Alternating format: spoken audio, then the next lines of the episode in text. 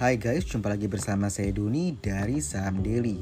Di podcast episode 141 pas weekly update 25 hingga 29 Januari 2021 ini Kita perhatikan bahwa IHSG selama periode itu mengalami koreksi sebesar 7,05% Dari titik tertinggi 6.258 turun hingga ke 5.862 Semua sektor mengalami koreksi. Koreksi terbesar dipimpin oleh sektor mining yang mengalami koreksi sebesar 9,25%, disusul oleh sektor miscellaneous industry yang terkoreksi 8,22%. Hanya sektor trade and service yang mengalami koreksi terkecil sebesar 1,96%. Investor asing sendiri melakukan net sale sebesar 371 miliar. Jadi tidak terlalu besar ya eh, investor asing melakukan net sale di situ. Untuk saham PT Bank Rakyat Indonesia Agroniaga Tbk dengan kode emiten Agro ini memimpin koreksi terbesar sebesar 30,30% persen dari harga 1155 drop hingga ke harga 805. Posisi kedua diduduki oleh Kimia Farma Tbk kode emitennya KF dari harga 4470 terkoreksi hingga ke harga 3120 atau minus 30,20% persen dan disusul oleh Indofarma Tbk dengan kode emiten INAF yang terkoreksi 30,07% dari harga 4.290 ke harga 3.000.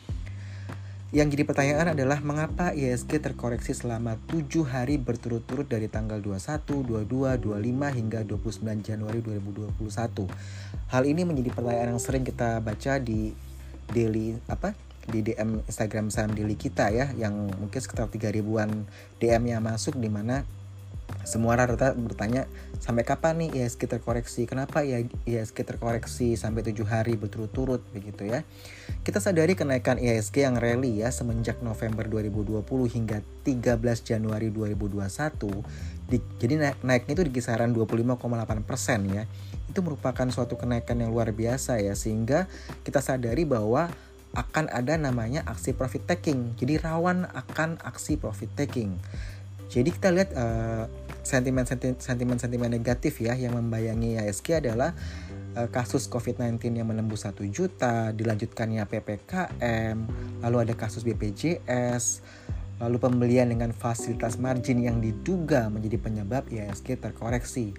Jadi belum lagi minimnya sentimen positif karena kita lihat bahwa seminggu kemarin juga nggak ada sentimen positif ya di market sehingga uh, kita lihat bahwa penurunan hingga 7% tersebut ya memang wajar terjadi ya begitu karena ISG sudah naik 25,8% begitu karena ya tidak mungkin lah uh, suatu market itu bursa tuh naik terus gitu ya tanpa adanya koreksi seperti itu.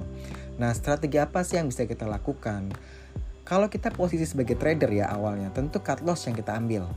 Waduh pak, gimana ini sudah minus lebih dari 50%. Ini terutama untuk saham-saham yang all time high ya. Saya lihat bahwa teman-teman yang masuk ke saham-saham misalkan KF, INAF, IRA, Agro, BRIS itu uh, mereka mengalami minus yang besar begitu. Karena saham-saham ini kan all time high ya. Yang naik naik naik. Yang kita harus hati-hati adalah ketika satu saham itu sudah all time high begitu ya. Jadi ya pelajaran lah buat teman-teman terutama untuk newbie ya begitu jadi memang uh, dihadapkan pada posisi waduh kita minus lebih dari 50% nih untuk saham-saham ABCDE ini. Masa kita harus melakukan cut loss padahal dulu kan posisinya sebagai trader. Trader ya kalau uh, kita minus maksimal 5% ya kita harus cut loss begitu ya. Jadi ini yang kadang-kadang kita harus disiplin begitu bahwa punya trading rules gitu ya. Jadi kalau sudah yang minusnya maksi, uh, kita setting maksimal 5% ya harus di cut loss dong begitu ya. Tapi ya kebanyakan orang juga aduh saya kayaknya ini cuma koreksi sementara deh. Ntar bisa naik lagi ntar bisa naik lagi. Selalu seperti itu kan. Kadang-kadang kita uh, denial begitu ya tidak mau menerima bahwa saham itu nggak mungkin naik terus pasti juga ada fase turunnya begitu. Nah yang jadi pertanyaan dari saya adalah apakah anda rela untuk cut loss gitu? Kalau nggak rela ya anda hold begitu. Karena kan sebenarnya pilihannya cuma dua ya cut loss atau anda hold begitu. Apakah anda rela untuk cut loss dan lebih tenang? Kalau cut loss kan kita lebih tenang tuh. Ya udahlah gua rugi misalkan 50 juta 100 juta ya udah. Tapi gue bisa tidur tenang begitu. Atau anda mau hold dan Anda akan lakukan averaging down misalnya. Jika keputusan Anda tetap hold, nah ini Anda harus harus tanya, kenapa saya hold saham ini? ya kan anda, anda harus punya keyakinan bahwa kalau saya hold ini saham dan ke depan saya akan lakukan averaging down ada faktor apa yang menyebabkan saya harus hold ini saham ya kan kita pelajari dulu bisnis model perusahaan tersebut fundamentalnya seperti apa apakah kinerja perusahaan tersebut solid atau tidak anda yakin tidak bahwa perusahaan tersebut kinerjanya bagus dan Anda bisa hold gitu loh.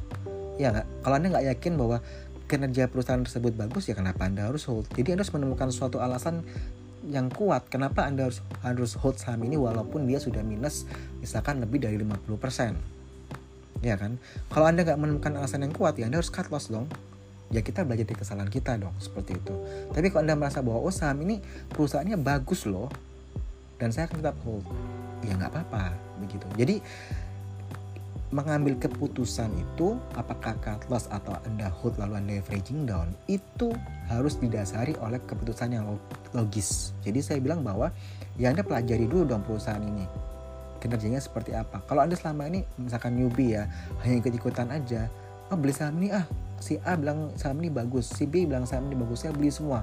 Tapi Anda nggak pernah eh, baca company profilnya, laporan keuangannya, Anda tidak pernah mempelajari rasio-rasionya, bagaimana begitu loh. Jadi ini kayak proses suatu proses yang untuk newbie-newbie ya, bahwa nggak ada yang instan begitu. Cuan instan oke, okay.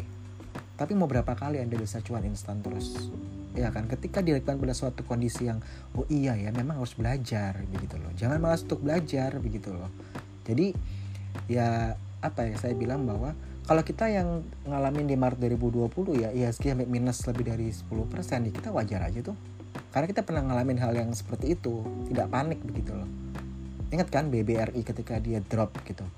Teman-teman bisa lihat deh di websitenya www.samdeli.com saya ada tulis mengenai ketika IHSG terkoreksi strateginya seperti apa contoh averaging down ketika BBRI terkoreksi apa kita panik? Enggak.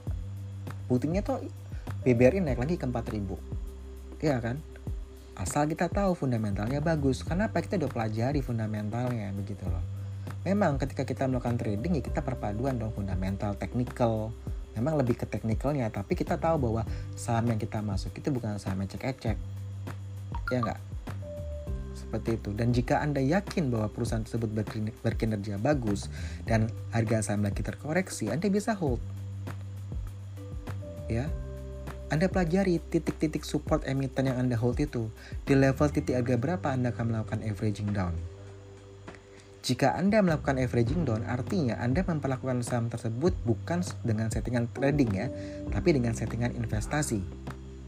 Oke, jadi jangan sampai kebalik-balik ya, mana settingan trading, mana settingan investasi. Begitu. Ya, jadi ya memang kalau memang Anda yakin Anda mau hold itu saham, Anda harus benar-benar yakin bahwa fundamentalnya bagus, kinerjanya bagus, dan memang saham ini layak untuk di hold untuk tujuan investasi. Ya Pak awalnya saya pengennya trading nih, tapi kalau udah minus gini, minus 50% lebih, ya udah saya investasi aja. Tapi jangan lupa inti tadi poin tadi saya bilang, Anda mau hold ini karena apa? Untuk investasi Anda geser ke investasi yang awalnya Anda settingannya trading. Oke, Anda yakin nggak sama kinerja perusahaan tersebut? Anda yakin nggak dengan bisnis model perusahaan tersebut? Sudah tahu nggak gitu? kalau udah tahu yang yakin ya nggak apa-apa di hold nggak usah galau begitu ya prinsip dasar kita ya. Kalau di saham daily kita untuk trading itu maksimal minus minus 5% kita sudah lakukan cut loss. Ya kan? Jika saat ini saham yang semu, semula untuk trading dan sudah minus lebih dari 50%, misalkan Anda uh, tetap keras kepala begitu ya, saya nggak mau jual deh, atau Anda mau jual tapi nggak bisa karena sudah ARB duluan begitu. Dan Anda mau ubah menjadi untuk tujuan investasi yang artinya jangka panjang, maka Anda nggak boleh nggak boleh galau lagi. Oke, saya putuskan bahwa saya nggak akan cut saya akan hold ini saham.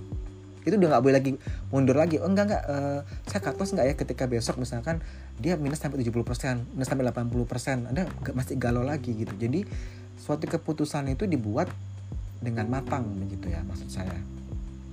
Jadi harus ada satu dasar kenapa saya harus hold ini saham dan kenapa lebih baik saya cut loss nih saham. Begitu. Jadi tanya sama diri sendiri begitu. Kenapa dulu saya beli saham ini? Tujuannya apa? Trading atau investasi? Oh tujuannya itu trading pak, cuma saya telat jual nih. Akhirnya jadi investasi. Akhirnya saya hold karena saya tahu kinerja perusahaan ini bagus. Jadi ada dasar yang uh, untuk anda membuat keputusan itu jelas dasarnya jadi bukan ikut-ikutan ya karena kan ini investasi atau trading itu uang uang kita sendiri kan jadi kita nggak boleh nyalahin si A si B si C oh salahnya bandar nih oh salahnya uh, aplikasi apa namanya aplikasi trading saya ini. Suka error ini beginilah. Nah kalau anda sudah tahu aplikasi trading anda suka error ya jangan pakai aplikasi tersebut. Buka rekening dana investasi di sekuritas lain dong. Jadi uh, maksud saya begini ya. Kadang-kadang kita tidak bisa menerima kerugian. Ya nggak?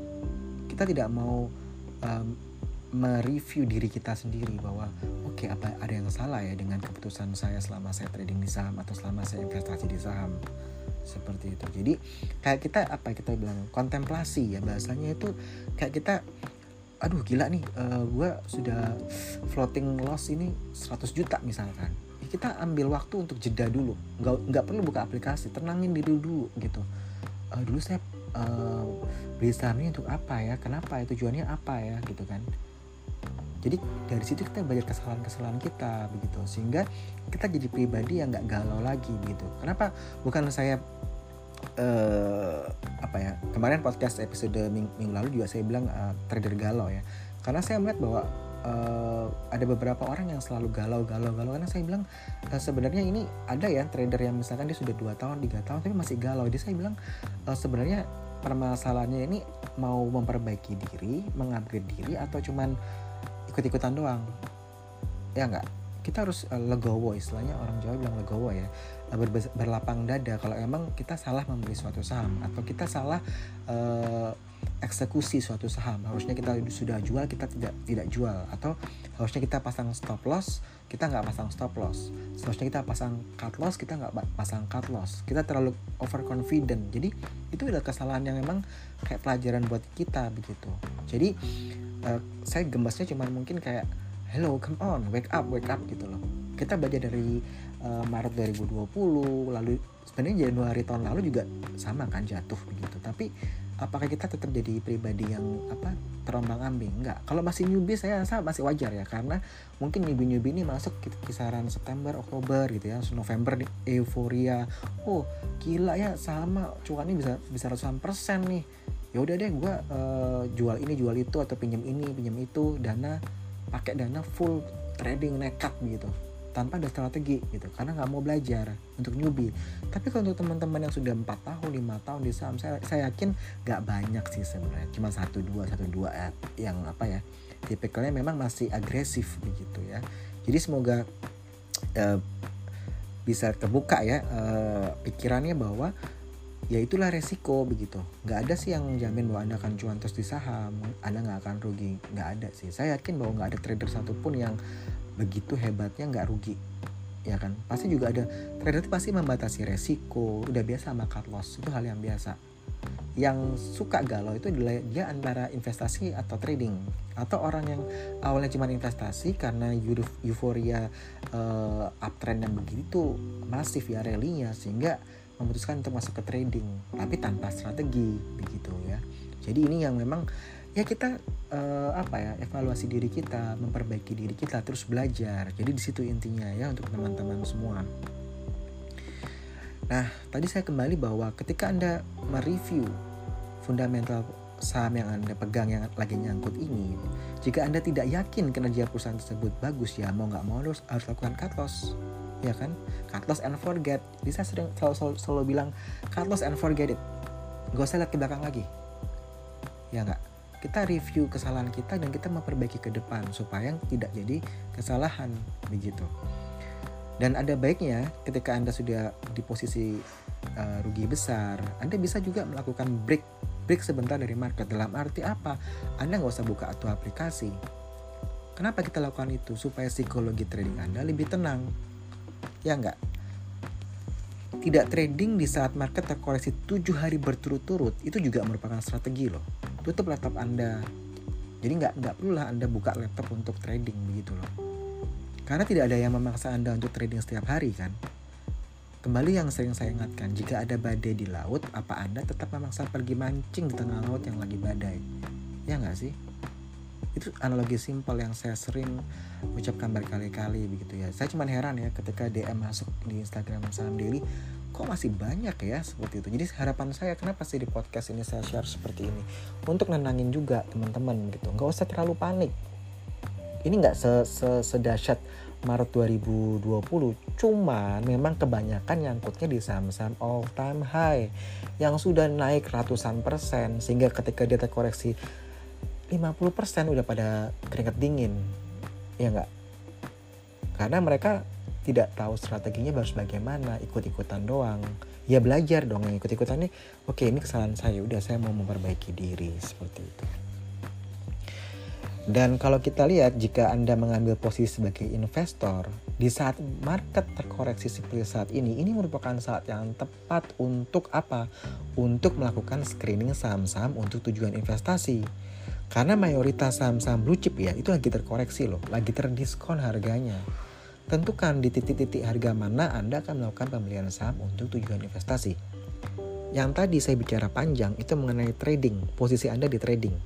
Ketika Anda uh, nyangkut lebih dari 50%. Ya enggak? Ketika market lagi bearish seperti ini ya, yaitu Anda sebagai investor, Anda harus mengambil posisi sebagai investor ya.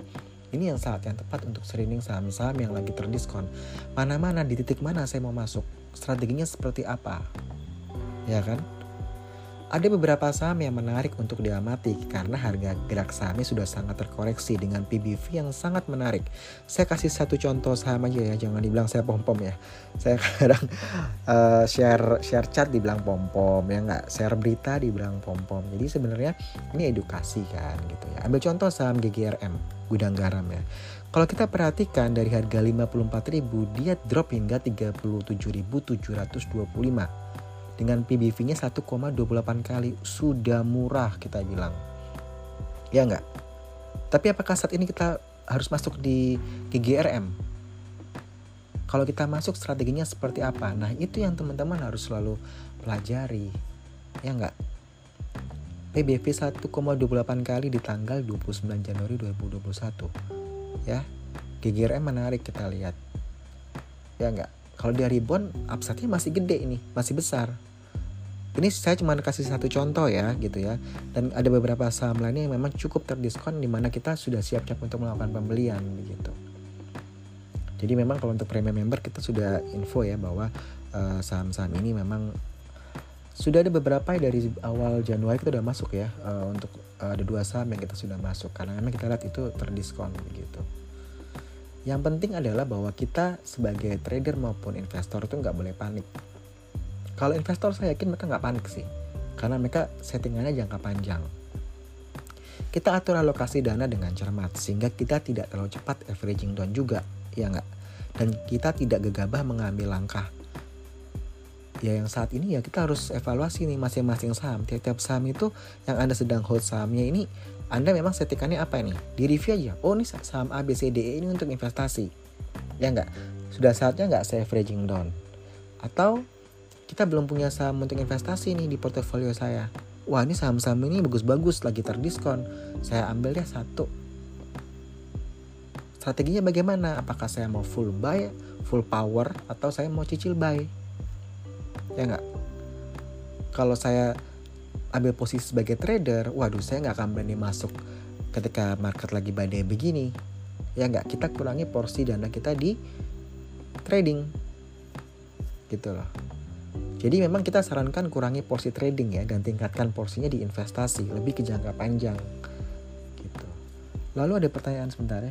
Yang paling banyak kedua ini adalah kira-kira ISG bisa terkoreksi hingga level berapa ya? Oke. Okay.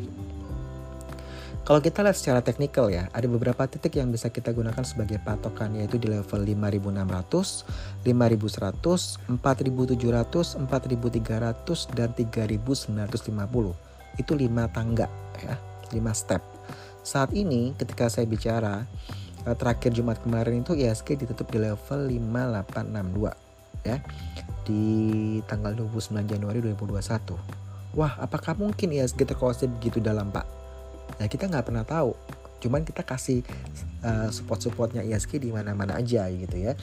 Ini kan tadi kita berikan level-level terburuknya gitu. Bisa saja ISG rebound ke level 6400 hingga 6600. Bahkan beberapa analis oh tahun 2021 ini bisa sampai 7000 misalkan prediksi mereka. Iya kan? Dan kita nggak akan pernah tahu apakah benar akan tercapai seperti itu. Kalau di saham Billy kemarin kita bilang kita prediksi akhir tahun itu di harga uh, di level 6000 ya. Tapi kan ditutup hampir hampir menyentuh 6000 begitu uh, untuk 2021 kita belum kasih gambaran akan sampai ke level berapa karena masih terlalu early kita bilang ya. Kita optimis sih, ya tergantung dengan keberhasilan vaksin juga. Kalau vaksinnya berhasil ya tentu ekonomi akan lebih cepat pulih begitu ya. Dengan ekonomi pulih ya ya ISG juga akan naik begitu. Ya kita tahu bahwa saham itu ya forward looking begitu ya. Tetapi yang kita bilang bahwa kita nggak bisa terlalu overconfident begitu karena kita melihat bahwa uh, eh, COVID-19 ini di Indonesia makin naik jumlahnya. Ya kan? Kasusnya itu makin naik begitu. Even bahwa sudah dilakukan vaksin secara bertahap ya walaupun terbatas untuk kalangan tertentu medis dan sebagainya. Memang pemerintah bagus juga sih memberikan prioritas-prioritas ke tenaga medis untuk mereka disuntik vaksin terlebih dahulu. Tapi kita yakin lah pemerintah punya punya punya skema yang baik untuk mengatasi ini dan pemerintah juga nggak main-main lah. Mana ada sih pemerintahan yang mengorbankan rakyatnya kan seperti itu. Dan ya kita, tetap uh, optimis bahwa kita bisa melalui semua ini. Nah kembali lagi ke kemungkinan ISG rebound ke level 6400 hingga ke level 6600 di sini yang kita lihat bahwa jika IHSG drop lagi ke, ke 5600, 5100 bahkan sampai ke 3950 seandainya di worst case gitu ya. Nggak usah panik gitu loh. Yang penting kita sudah tahu strateginya ketika IHSG terkoreksi itu sebenarnya seperti apa. Ya enggak? Sebenarnya strategi ini hampir sama dengan di tahun 2020 loh ketika terjadi koreksi. Iya kan? Ya jangan panik aja sebenarnya. Biasa orang panik karena apa? Karena dia nggak punya dana lagi. Udah kehabisan napas. Apalagi kalau ngutang ya kan? Itu palingnya luar biasa pasti. Jadi kan kita udah bilang jangan pernah trading saham pakai dana dapur. Jangan pernah trading saham pakai dana emergency. Jadi kalau di uh, modul e-learning kita di money management ya yang akan kita launching itu udah jelas banget message-nya itu. Jadi kita siapin itu materi dari tahun lalu sebenarnya ya. Jadi uh, ya yang sudah sempat uh, kita uh, kan ada beberapa yang sudah sempat uh, ikut ya uh, modul e-learningnya gitu ya. Mereka ngeliat wah beruntung banget pak kita dikasih uh, kesempatan pertama untuk belajar modul e-learning itu gitu. Jadi memang saat itu uh, saya agak percepat ya untuk buat modul e-learning itu. Tujuannya uh, yaitu supaya member karena memang ada beberapa member yang sudah apa sudah membeli paket itu ya lebih dulu sebelum kita launching gitu. Karena mereka uh, mendesak untuk training gitu. Dan saya hmm, apa kita bilang saya itu sangat sangat concern sama COVID-19 sehingga saya bilang kita stop uh, kelas training kelas gitu ya. Kita maunya itu bener-bener karena saya sering ya one on one training ya tapi kali ini saya benar-benar yang strict saya nggak mau gitu. Sehingga kita buat modul e-learning itu. Dan beberapa teman-teman sudah uh, mendapatkan manfaat ya ketika mereka join di e-learning itu. Jadi ya itulah belajar ya. Jangan jangan mau cuman-cuan doang tapi nggak mau investasi pada diri sendiri. Seperti itu. Lalu tadi saya lihat uh, sebentar saya baca lagi komennya teman-teman. Oke. Okay. waduh pak ini saya masih galau nih. Gimana kalau senin depan ya sekitar kosi lebih dalam? Oke. Okay. di sinilah kita harus tegas mengambil keputusan. Berani ambil langkah cut loss atau tetap hold? Ya nggak karena setiap orang itu memiliki level penerimaan risiko yang berbeda-beda. Kembali tanyakan ke diri Anda dulu ketika memutuskan misal untuk trading nih, beli saham A. Itu Anda udah siap nggak rugi berapa?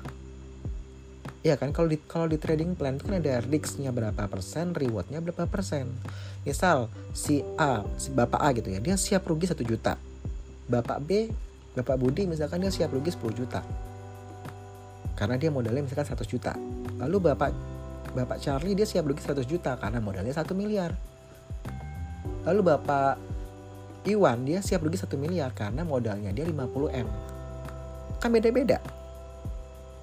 Jadi anda harus uh, tanya sama diri anda dulu dulu saya beli saham ini saya siap rugi berapa ya rewardnya berapa ya saya uh, saya targetnya gitu jadi jangan cuma mikir tuh siap cuan siap untung gitu kalau enak mah semua juga mau kali ya gitu jadi risk and reward itu juga harus kita pertimbangkan jadi ini sebagai pembelajaran ya buat teman-teman karena saya lihat uh, banyak banget DM yang masuk uh, rata-rata si newbie ya uh, yang baru masuk di uh, saham ini ketika bulan September Oktober. Kebanyakan sih uh, November ya. November ini paling banyak yang masuk di November ketika harga harga lagi rally gitu ya naik begitu. Bahwa nggak selamanya harga suatu saham tuh naik terus. Ya nggak? Tidak selamanya cuan terus di saham begitu jadi kita tidak boleh terlalu overconfident ketika market lagi bullish dan tidak boleh terlalu over worried, terlalu takut ketika market lagi bearish. Gitu. Jadi memang ini butuh jam terbang, butuh pengalaman ya. Ambil contoh saham Antam. Di April 2020 itu harga saham Antam itu di harga 350-an rupiah per lembar saham. Lalu naik hingga ke 3190-an. Ketika harga saham Antam drop ke 2220, ya enggak? Itu pada panik kan. Tapi sebenarnya kalau orang yang buy di harga 350-an dia mah santai-santai aja. Gua beli di harga bawah kenapa dia harus panik? Ya nggak? Dia bisa sell sebagian kan profit taking sebagian begitu. Nah yang jadi masalah ada orang-orang yang beli di harga pucuk betul nggak? Jadi makanya saya bilang kalau anda tujuannya trading ya anda uh, harus siap cut loss. Kalau anda tujuannya investasi ya anda nggak nggak usah worried gitu loh turun aja terus ntar saya averaging down. Santai. Asal perusahaan tersebut bagus. Iya kan? Jadi sangat penting ya timing waktunya kapan anda buy kapan anda hold sampai kapan anda hold itu saham kapan kita harus profit taking kapan kita harus cut loss seperti itu. Jadi nggak bisa uh, beli saham tapi dasarnya lebih ke perasaan. Saya mau beli saham antam nih ya udah anda tentuin mau beli di harga berapa mau jual untung di harga berapa kalau rugi Anda mau jual di harga berapa? As simple as that. Yang jadi buat rumit adalah karena kita banyak dipengaruhi oleh perasaan kita. Ah rasanya masih bisa ke harga 4000 dari Antam nih. Ya nggak? Ketika dia drop Anda kehilangan keyakinan. Waduh kok turun terus? Bisa nggak kira-kira ke harga 1000 dia turunnya? Aduh saya takut nih saya galau nih. Nah itu. Anda udah lupa sama tujuan awal Anda begitu kan? Nggak fokus seperti itu dan satu hal lagi ya, pelajaran untuk yang newbie-newbie, jika harga suatu saham all time high udah naik terus gitu, itu artinya resikonya makin tinggi. Dan jika kita memaksa untuk masuk buy, tentu kita harus pasang yang namanya cut loss, pasang namanya stop loss. Dan tentu dana yang kita masukkan ketika harga saham all time high itu tidak akan sebesar ketika harga saham tersebut masih di harga bawahnya, masih under value. Ya kan? Apa tuh uh, valuasi saham pak? Saya nggak ngerti. Kalau nggak ngerti belajar. Ada bukunya ya kan? Kalau teman-teman lihat di Instagram saham daily di IG feed kita kita tuh hampir setiap minggu bagi buku.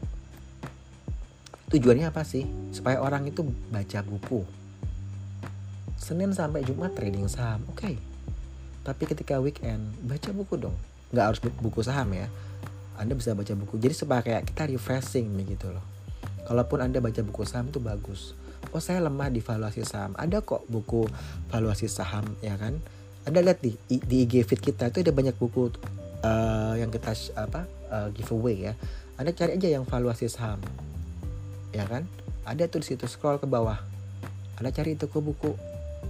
Anda beli buku paling berapa sih 100 ribu daripada Anda rugi jutaan ya nggak lebih baik Anda baca buku begitu.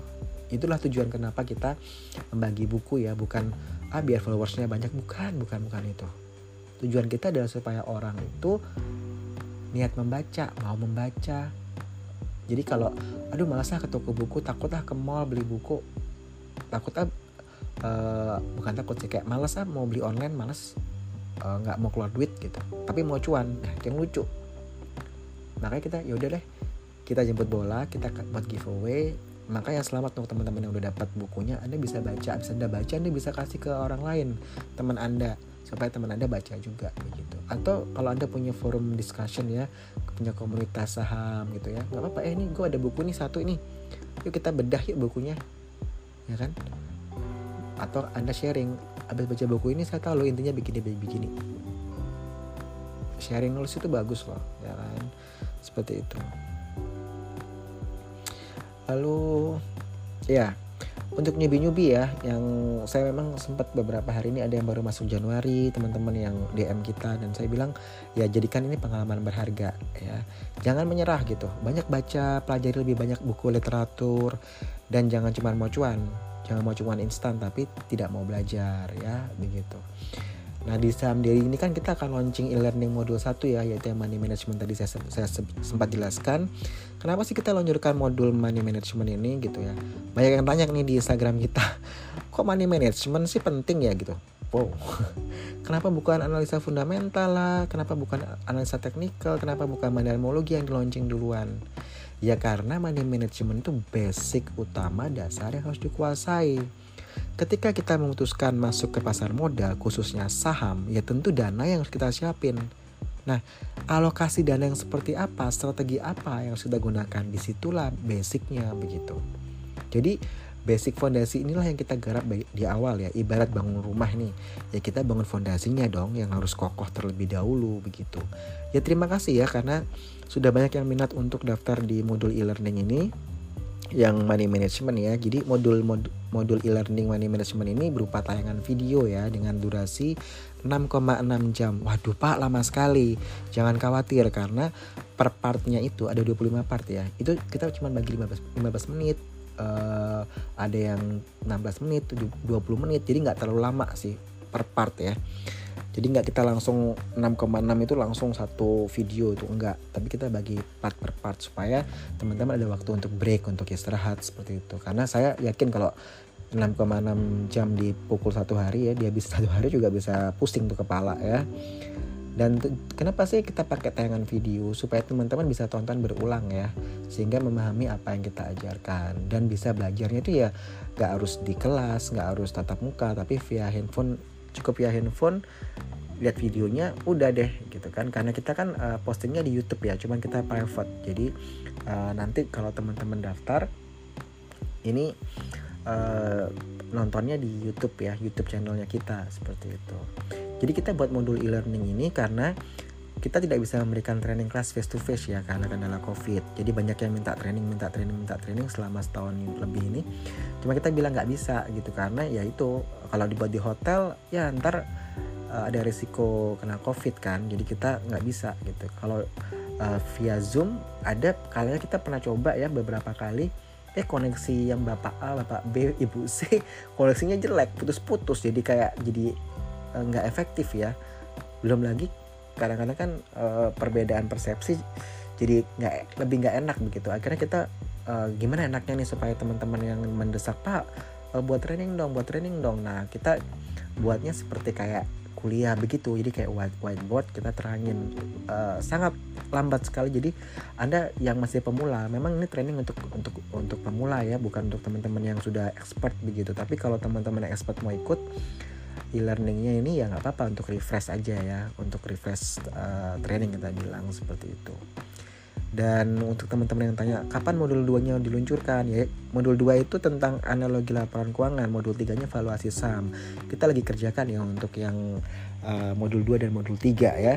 Jadi untuk analogi laporan keuangan dan uh, valuasi saham itu masih kita kerjakan saat ini. Kita kebut ya supaya teman teman-teman yang sudah menyelesaikan modul 1 itu uh, bisa melanjutkan ke modul 2 dan modul 3 sebenarnya uh, modul 1 ini sebenarnya sudah di launching tidak resmi ya. Maksudnya gini karena ada member-member yang uh, mendesak premium member ya pak saya nggak apa-apa deh saya mau mau sekarang duluan deh gitu. Mau dapat duluan gitu. Ya memang kita sempat sudah launching untuk teman-teman yang premium member ya. Untuk yang umum belum gitu Nah untuk teman-teman yang sudah daftar kemarin uh, harap sabar ya karena kemungkinan minggu depan baru kita uh, launching gitu ya karena antriannya udah banyak begitu. Jadi untuk yang premium member aja itu masih belum habis ya. Uh, maksudnya mereka belum tonton habis gitu karena kita ada periode berapa lama setelah itu kita uh, tidak kasih akses lagi seperti itu ya. Jadi uh, masih antri begitu. Jadi kalau nanti teman-teman mau minat apa modul e-learning ya yang money management modul 1 ini bisa WA ke HP admin Saham Daily ya di 0857 dan cuma nomor HP itu ya yang merupakan nomor HP admin Saham Daily. Jadi kalau teman-teman mau ikut bisa daftar aja uh, eh, WA aja ke WhatsAppnya admin Saham Daily di 085737186163 nomornya itu ya. Karena ada juga uh, apa nomor HP bodong yang ngaku-ngaku adminnya Saham Daily ya. Jadi kita mencegah penipuan seperti itu. Jadi uh, buat teman-teman yang memang newbie-newbie yang masih uh, baru banget di saham terus mau belajar saham dari basic ya modul 1 money management ini sangat akan sangat bermanfaat sekali buat teman-teman yang masih awam tentang saham begitu ya. Oke, saya Doni dari Saham Daily out.